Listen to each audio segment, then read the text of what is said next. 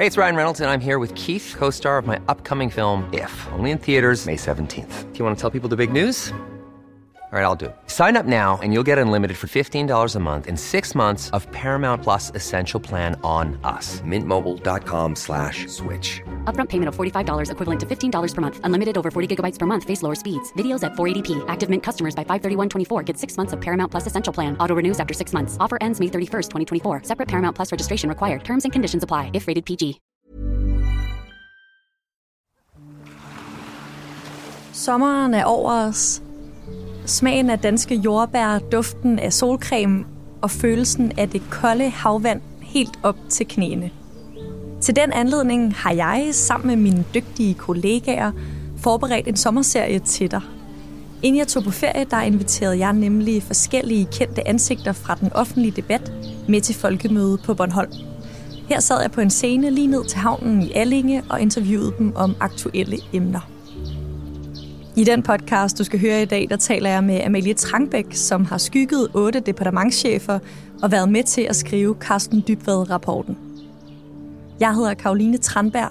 God sommer og rigtig god fornøjelse med podcasten.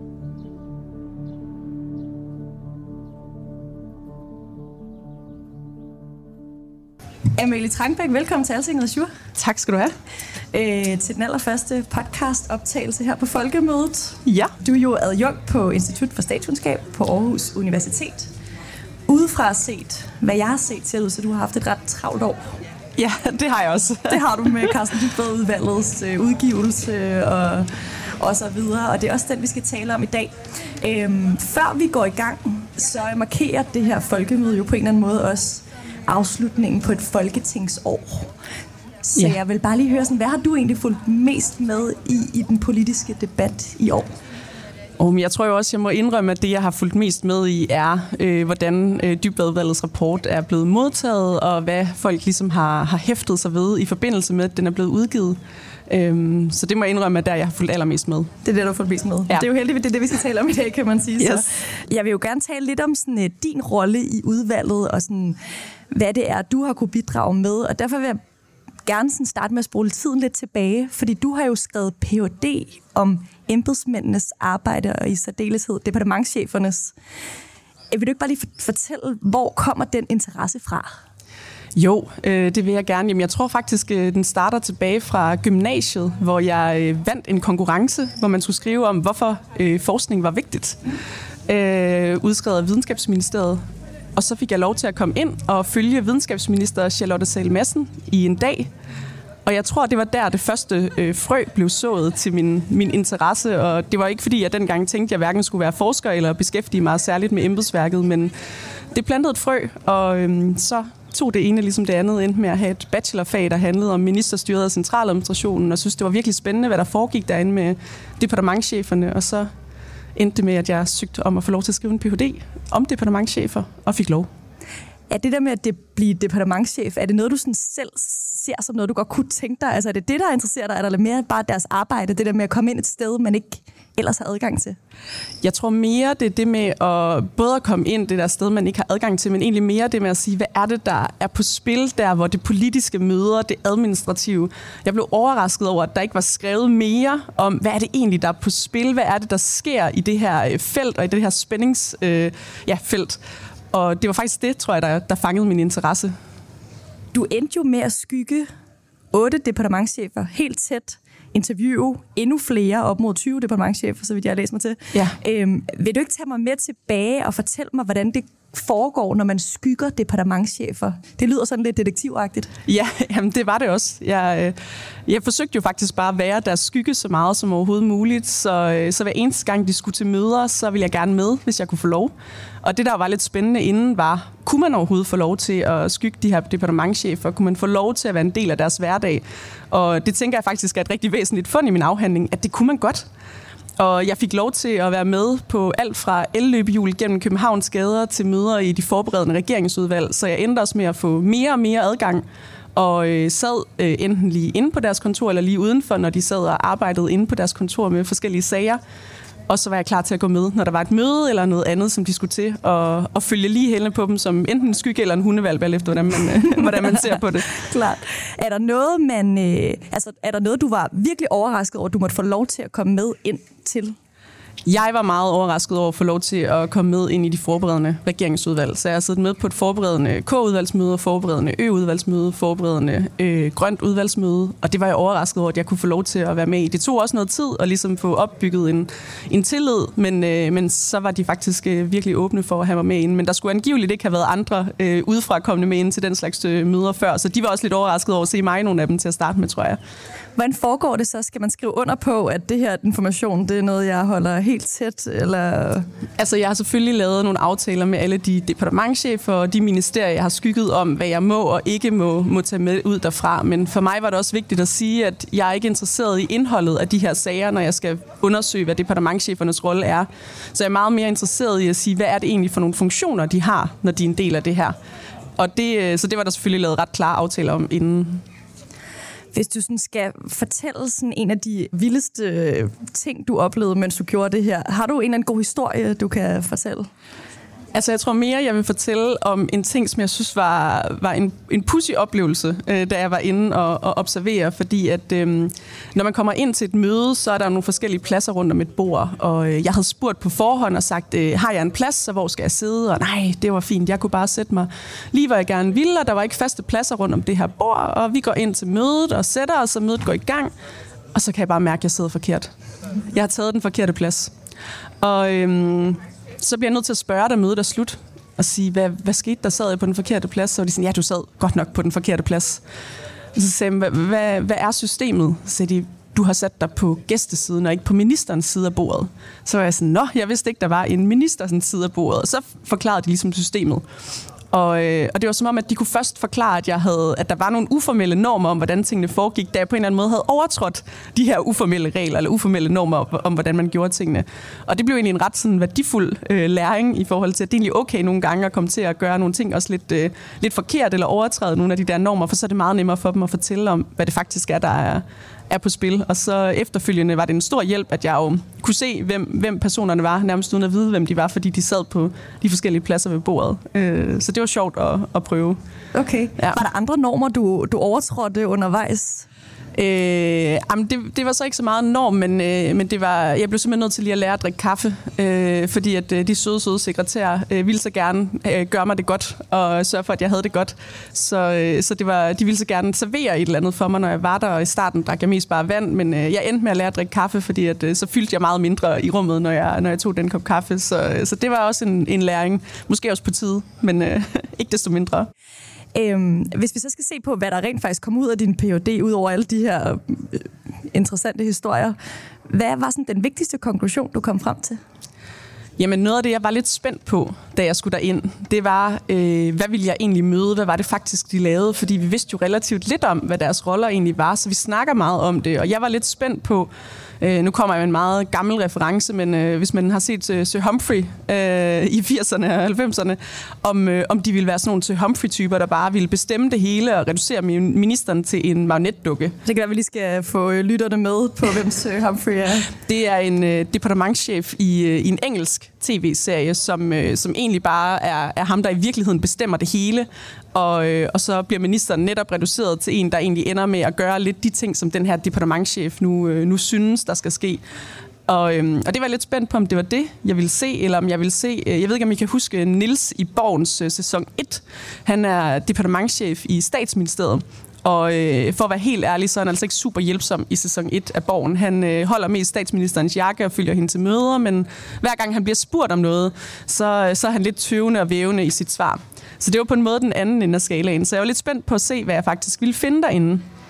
Og øh, positivt øh, må jeg sige, at, at jeg synes, jeg fandt, at jeg havde nogle departementchefer, der øh, var interesseret i at gøre det godt. De ville rigtig gerne hjælpe deres øh, siddende minister med at få den siddende ministers politik igennem. Øh, så heldigvis fandt jeg hverken Sir Humphrey eller Nils, men, men en mellemvej, som jeg egentlig tænker er det, det der er mere attraktivt.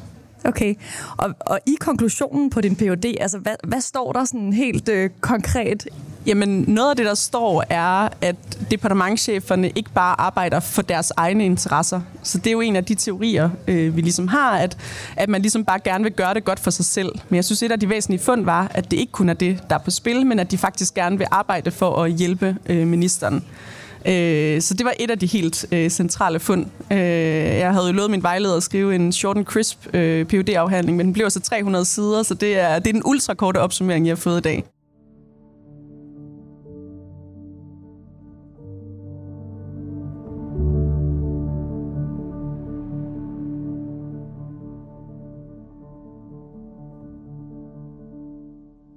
Lad os også øh, tale lidt om dybvadudvalget. Vil du ikke lige prøve at sætte scenen for, for lytterne? Hvad var det for noget at være en del af dybvadudvalget?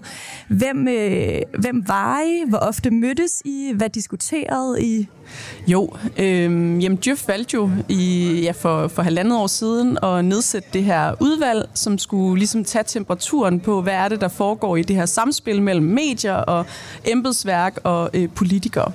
Og vi mødtes øh, cirka en gang om måneden, lidt hyppigere hen mod slutningen. Og til at starte med skal man jo finde ud af, at vi havde fået et ret bredt øh, spørgsmål, så hvad er det præcis, vi skal undersøge, og hvordan vil vi undersøge det? Og... Øh, det endte også med, at vi afleverede rapporten lidt senere, end det oprindeligt var tiltænkt, fordi at vi, vi gerne ville kigge på så mange forskellige ting og få lavet de her undersøgelser, og det tager jo bare lidt længere tid faktisk, når man skal udsende både spørgeskema og vi interview, og det var både øh, embedsværket, øh, toppen af embedsværket særligt i forhold til interviews, det var medier, journalister, der var på Christiansborg, og det var også befolkningen, der blev spurgt om, hvad er det, I synes, der er på spil, og, og politikere. Så der var egentlig ret mange undersøgelser i det, øh, som, som vi skulle have på plads, inden at vi kunne gå i gang med at skrive øh, selve rapporten rapporten.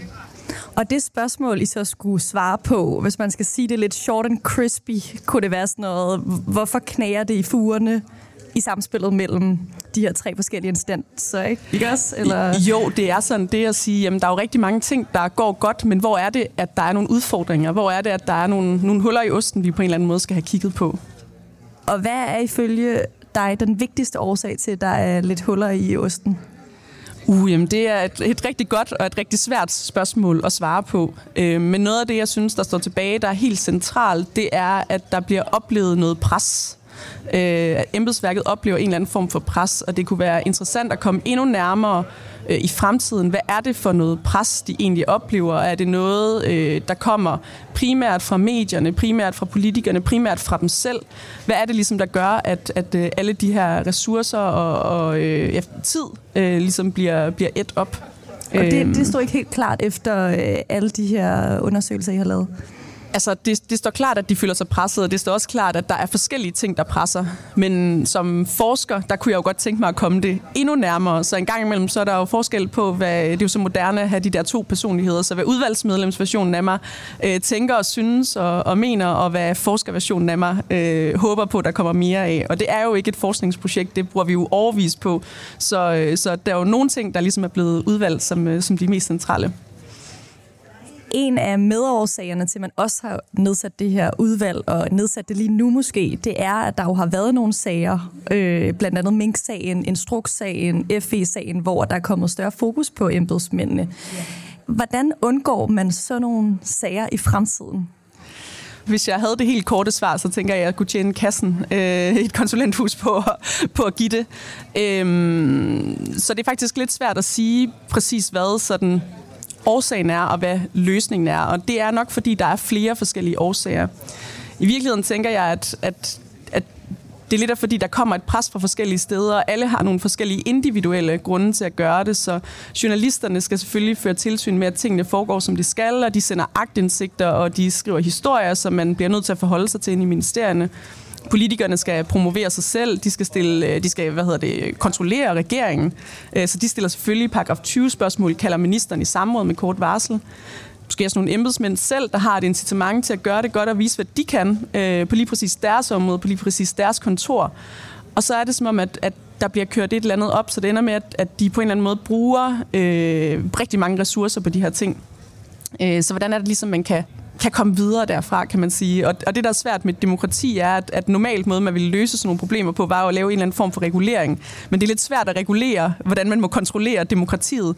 Det er på en eller anden måde ikke super legitimt. Så hvordan er det på en eller anden måde, man får lavet nogle aftaler, så det bliver, bliver holdbart? Det er det, jeg tænker er en, er en kæmpe stor udfordring. Og hvor nogle af vores anbefalinger jo blandt andet går på, måske bliver man nødt til at forsøge at have en dialog øh, mellem medier og embedsværk mere direkte, i stedet for at, at man øh, har nogle forestillinger om, hvad det er, hinanden vil. Øh, og det er et af de skridt, vi foreslår for at komme, øh, komme videre.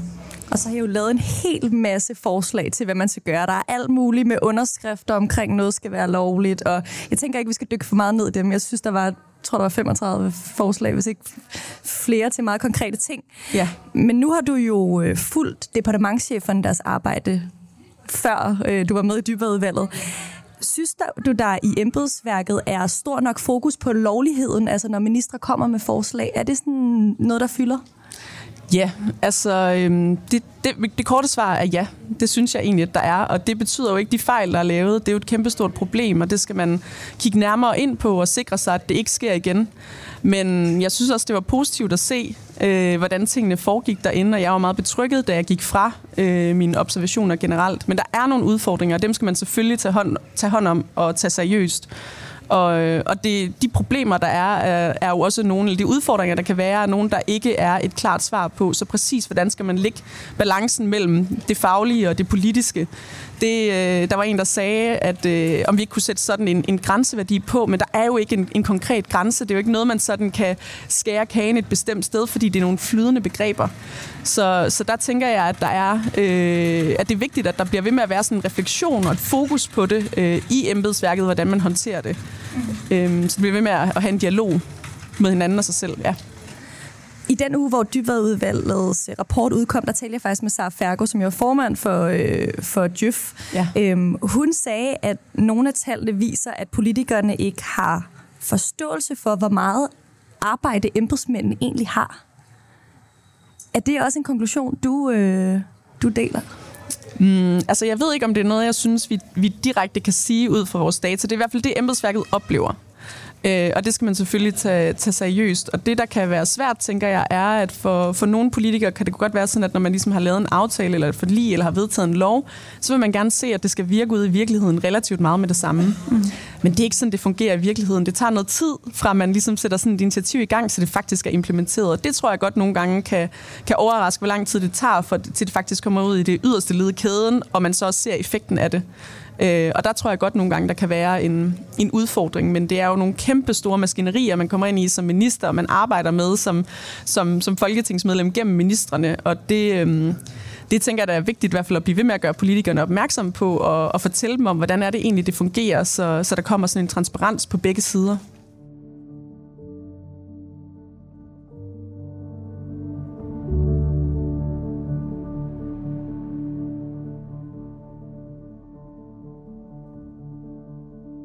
Jeg vil ikke have for mange tal med den her podcast, men der er alligevel et tal, jeg øh, synes også, at det, der måske er lidt er gået igen i, øh, i konklusionerne efter rapporten den kom ud.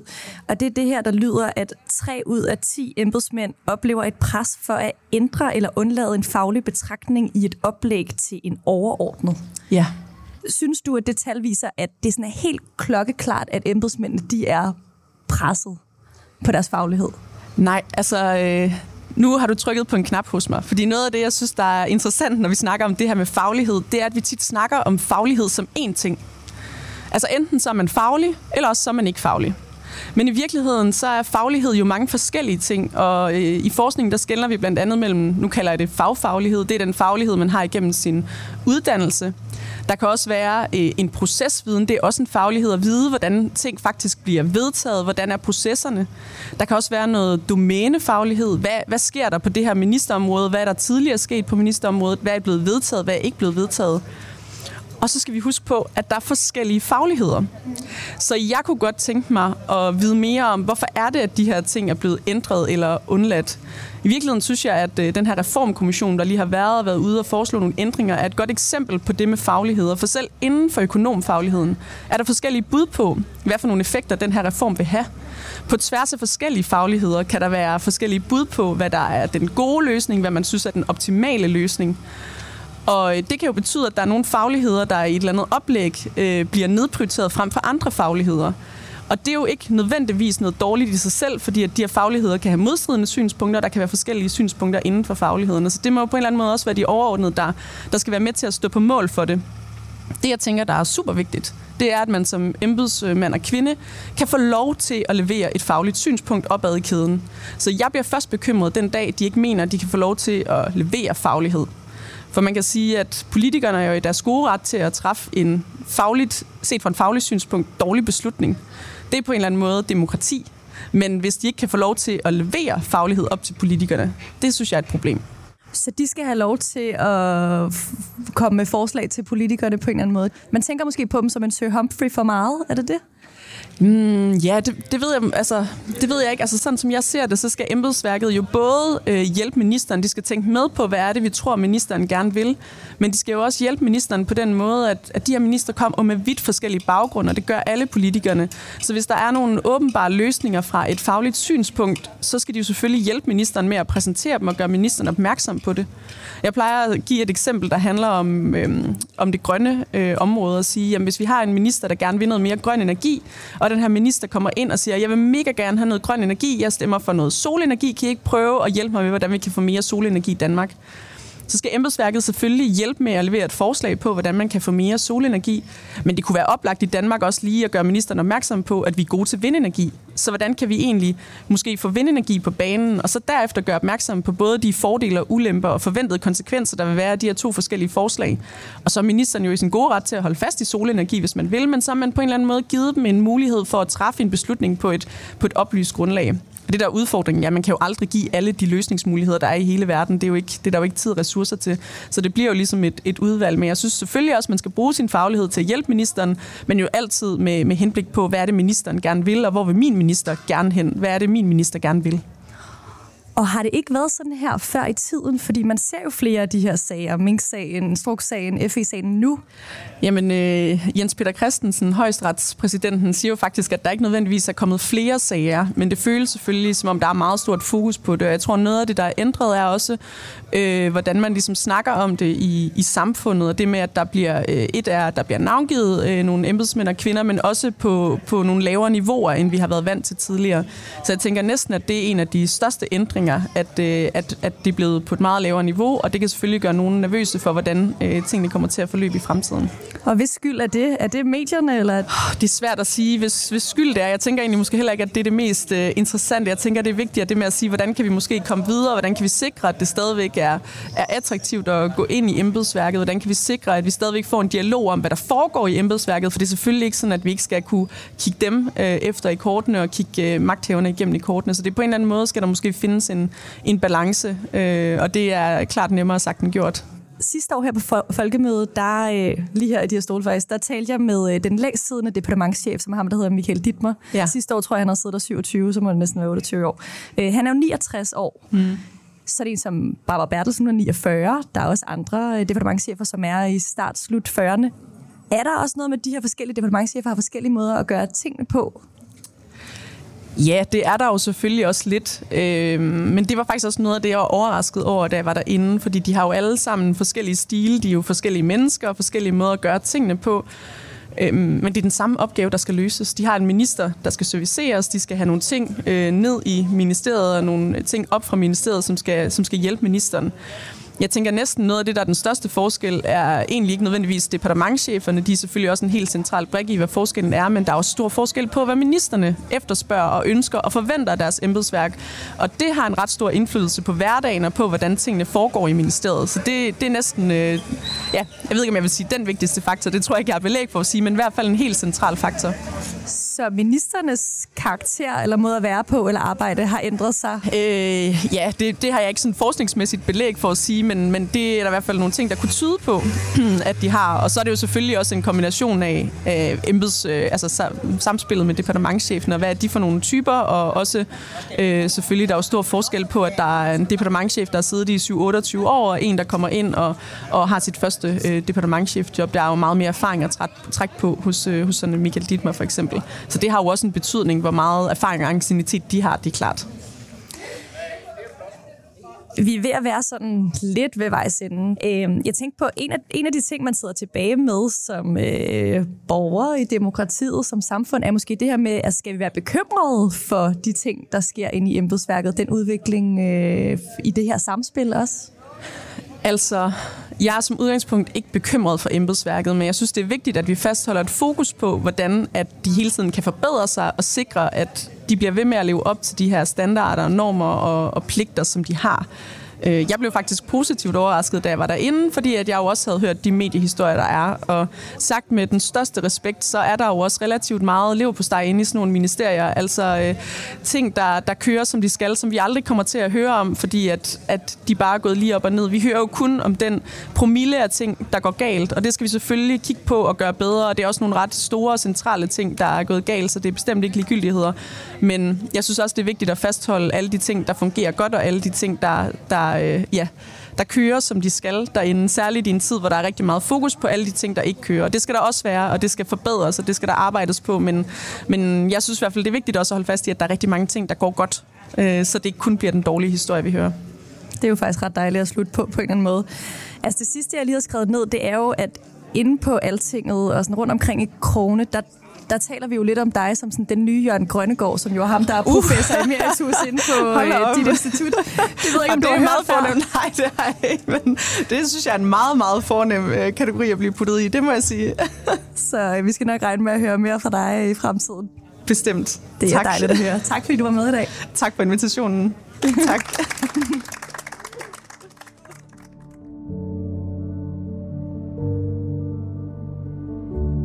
Dagens podcast den blev produceret af Mads Aarhusen og Maja Simonsen og af mig, og jeg hedder Karoline Tranberg.